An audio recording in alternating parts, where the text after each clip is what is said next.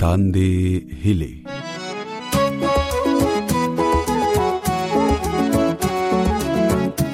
په دې پروګرام کې د افغان میرمنو خبرې اوري چې د خپل هیواد د سولې د خبرو په اړه څه نظرونه لري زه فرخنده اسد یم او په تاندې هلي خبرونه کې ستاسو هرکلی کوم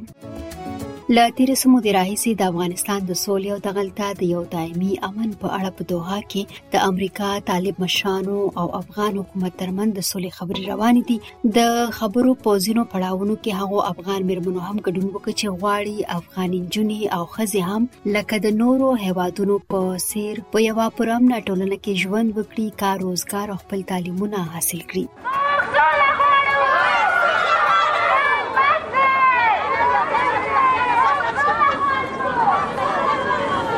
دا د سپټمبر په میاشت کې د هغو خزو غږونه دي چې په جلال آباد کې د سولې د عمل په ملاتړ یو لاریون وکړ او پر ټولو ډلو یې غږ وکړ چې جنگ نور بس کړي او د سولې لار خپل کړي په ننګرهار کې د پیاوړو ښځو د یوې غیر سرکاري ادارې مرستیالې مشرې ثنا نوري مشال ریډیو ته وویل اوس وخت راغلی چې په هیواد کې سوله راشي او افغان ولس باید نور د جنګونو په ماحول کې ژوند ونه کړي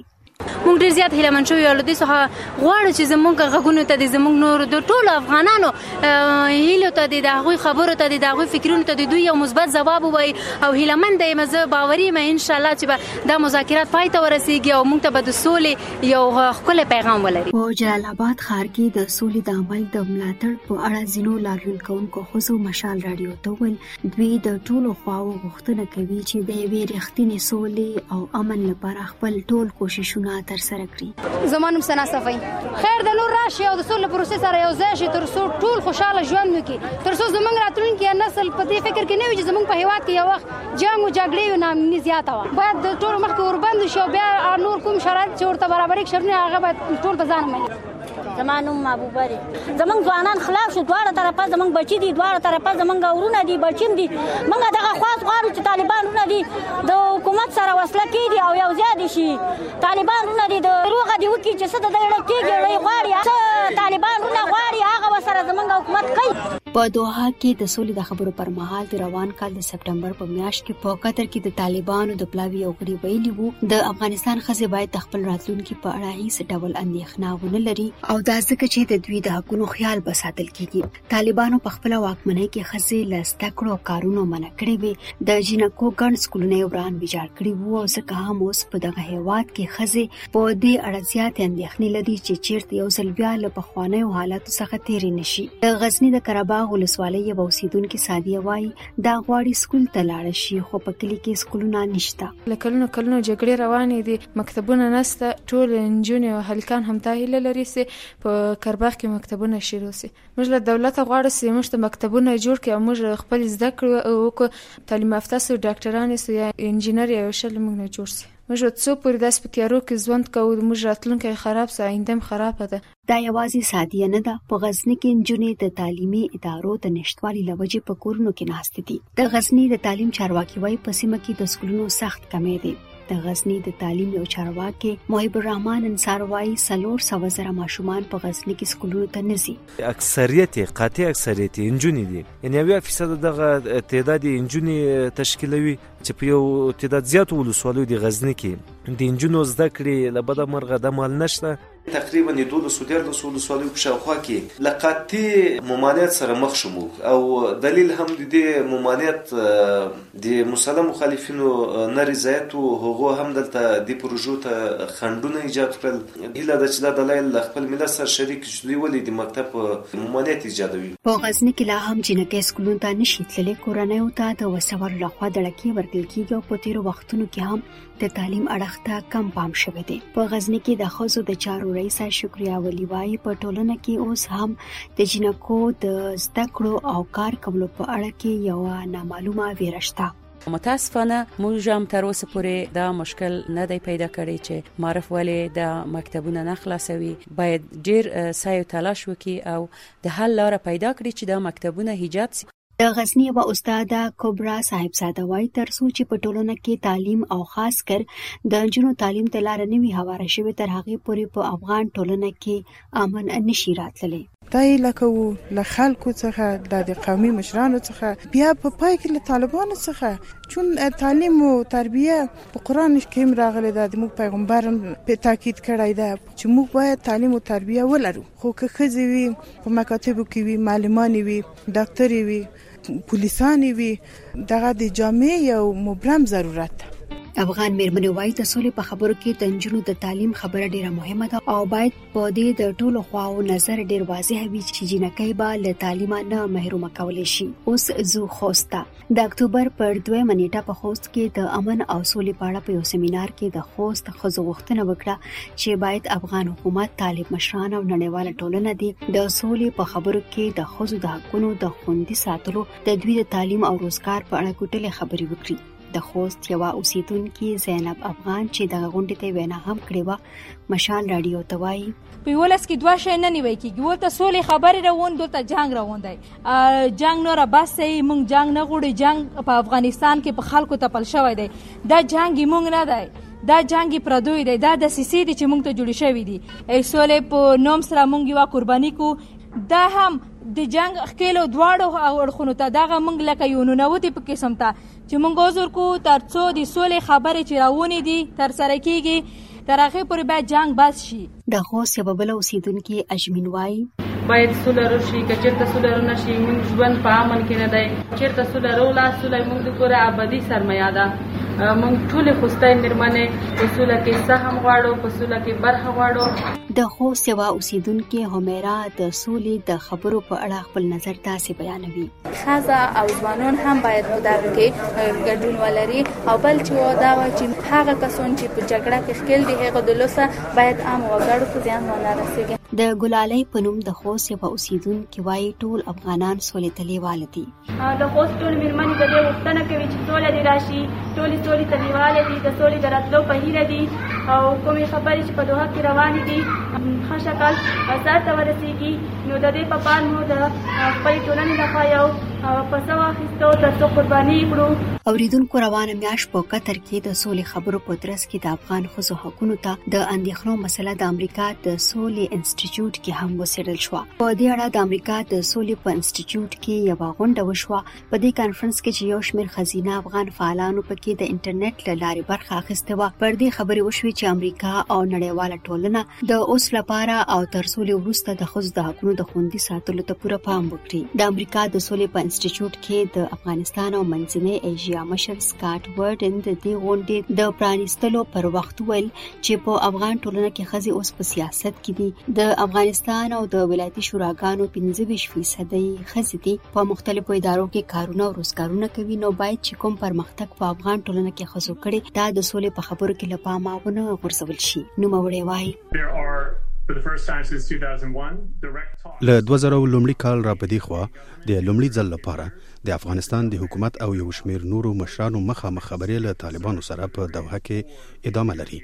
یوه اصلي او د اندېښنې وړ مسئله چې د دې مذاکراتو په اړه مطرح شوې دا ده چې هغه حقوق او ازادۍ چې ښځو د طالبانو له رژیم وروسته ترلاسه کړي دي څنګه وشي. د افغانستان د ښځو چارو وزارت سرپرستې حسینې صافۍ دغه کانفرنس ته په خپل وینا کې ټینګار وکړ چې د دولت په بلابلو برخو کې د ښځو رول د پام وړ دی او په افغان ټولنه کې چې ښځو کوم پرمختګ کړي د سولې پر روانو خبرو کې باید دغه ته ستاوان ونه رسول شي نن چې موږ د سولې په اړه خبرې کوو زه فکر کوم چې موږ په یوه حساس پړاو کې یو او موږ باید د خلکو او د افغانستان د حکومت په استازیتوب ټولې هغه لاسته راوړنې چې لرو یې خوندي کړو. حسینې صافۍ دا هم ویل چې له طالبانو سره د سولې د خبرو لپاره په حکومتي پلاوي کې څلور تکړه افغان میرمنې شته او دوی چې کومه تجربه لري کولی شي چې د ښځو ښه استازیتوب وکړي او د سولې په روانو خبرو کې د افغان ښځو اندېښنې په صحیح توګه ټولو خواو ته ورسوي د سولې د انسټیټیوټ په غونډه کې له طالبانو سره د حکومتي پلاوي غړي او د بامیان پخوانی والي حبیبه سرابي هم برخه اخیسته و له دې دا پوښتنه وشوه چې طالبان دې ته تیار شوي دي چې د ښځو اندېښنو ته غوږ ونیسي او د ښځو د موضوعاتو په اړه خپل نظر ښکاره کړي که نه نوموړې په ځواب کې وویل موږ تر اوسه په هغه اجنډا کې نه یو داخل شوي چې د ښځو د حقونو په باره کې خبرې وکړو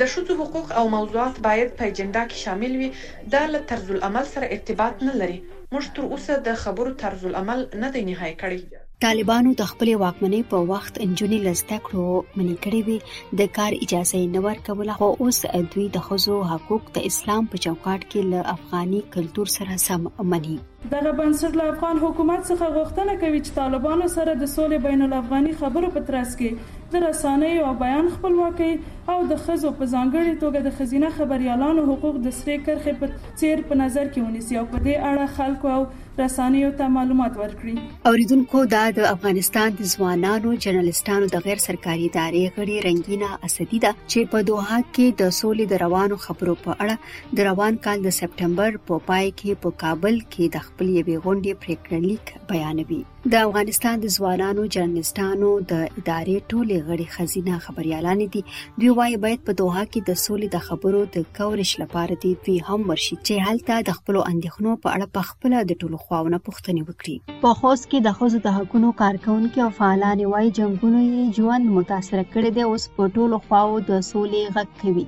من حیث یوې خور د یوې مور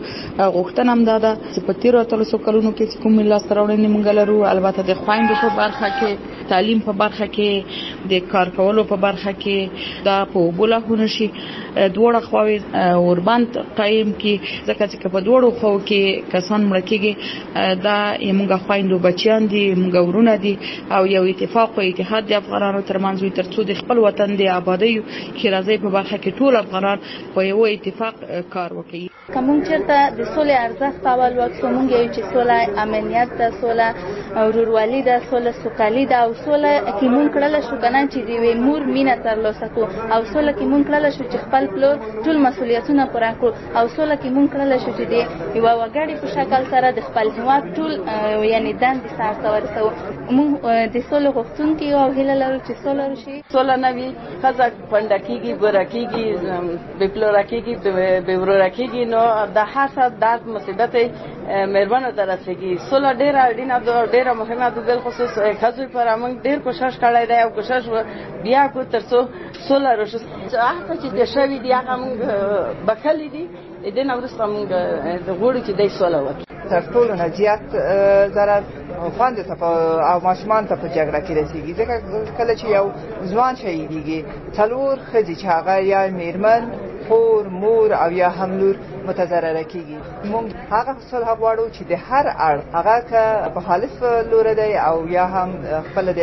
افغانستان اوسنۍ دولت کسانو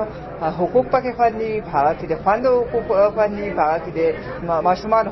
حقوق خوندي وي بلخوا په ناروې کې د افغانستان په خوانی سفیره شکریا بارکزی وایي د افغانستان د سولې په خبرو کې دی باید د ټولو خواو اندېښنو ته پوره پام وکړي شي د افغانستان د سولې پروسه چې پیل شول د لپاره د افغانستان د خلکو ولسونو امید او ارزوګانې شته همدارنګه چې موږ واوریدل چې نور هیوادونه هم د افغانستان د خلکو لپاره او افغانستان لپاره د سولې تم او توقع لري او غوښتنم دا ده چې د افغانستان سیاسيون او هغه ډلې ته پلي چې نظامی او سیاسي قدرت په واک کې لري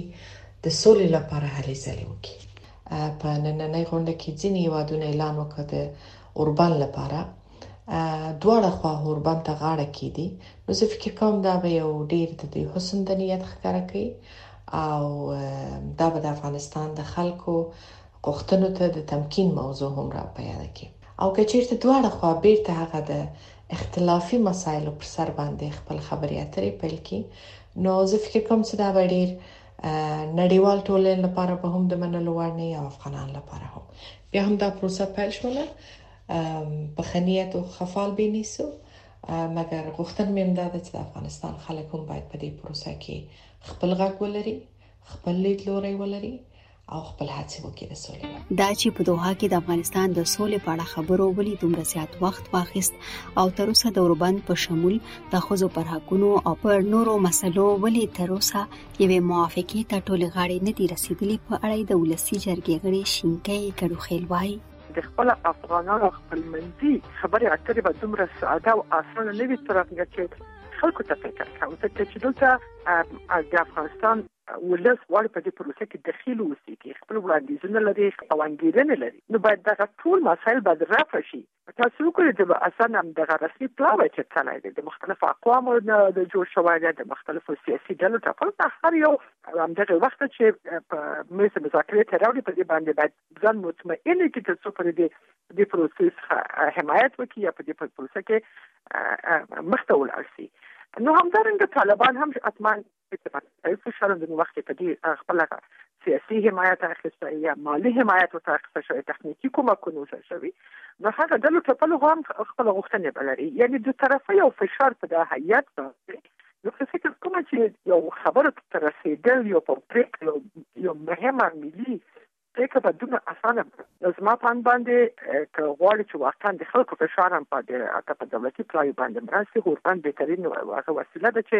د طالب هم کارولای شي بلخوا د افغانستان د ښځو د جمهوریي غوښتونکو ګوند مشره او د ولسمشر پخوانۍ سلاکاره عادله بهرام وایي باید د سولې عمل کې د ټولو خواو نظر ته درناوی ورکړل شي او د اوربند او د ښځو د حقوقو د خوندي ساتلو په شمول د ټولو مهمو خبرو ته پوره پام ورکړل شي دلته به حتمان هغه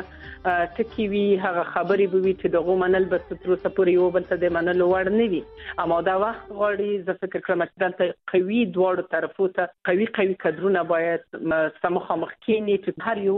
طرف د خپل خبرې نه دفاع وکړل شي اما حاصل موضوع چې موږ کړل چې یو او ټول تمرسي هغه ورباندې دی باید منفي د دوه په نورو مسایلو باندې بحث کیږي دی باید په اولین بحث او اولین توافق د دی دغه اوربند وي هغه پروانه لري مونږ نو یو چې دلته د دایمي اوربند دی څو چې خبرې نه دي ختم شوې دی د حتما اوربند لري نه یوري خبرې شروع شي خبرې په خپل ایجاب کا چې اوربند څومره نور مخه ته ولاړ شي اوربند څومره وخت نور وساتل شي اما که دلته اوربند نه وي تاسو د افغانستان اوضاع چې ورځ د بلې نه خرابېږي په ځای د دوست چې دلته وضع ښه شي اما وضع ورځ ته بلې په خرابېدو طرف روانه ده تاندې هیلې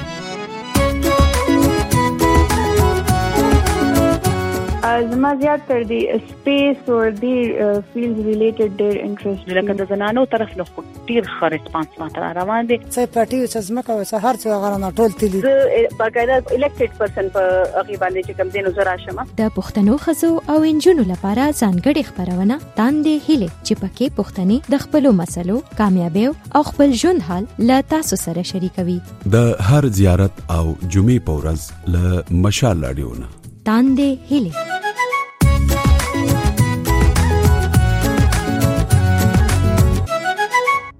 اوریدونکو دا او د دې اونۍ تاندې هلي پروګرام چې تاسو واورید زه فرخنده اسد درنه اجازه غواړم د خوده په امان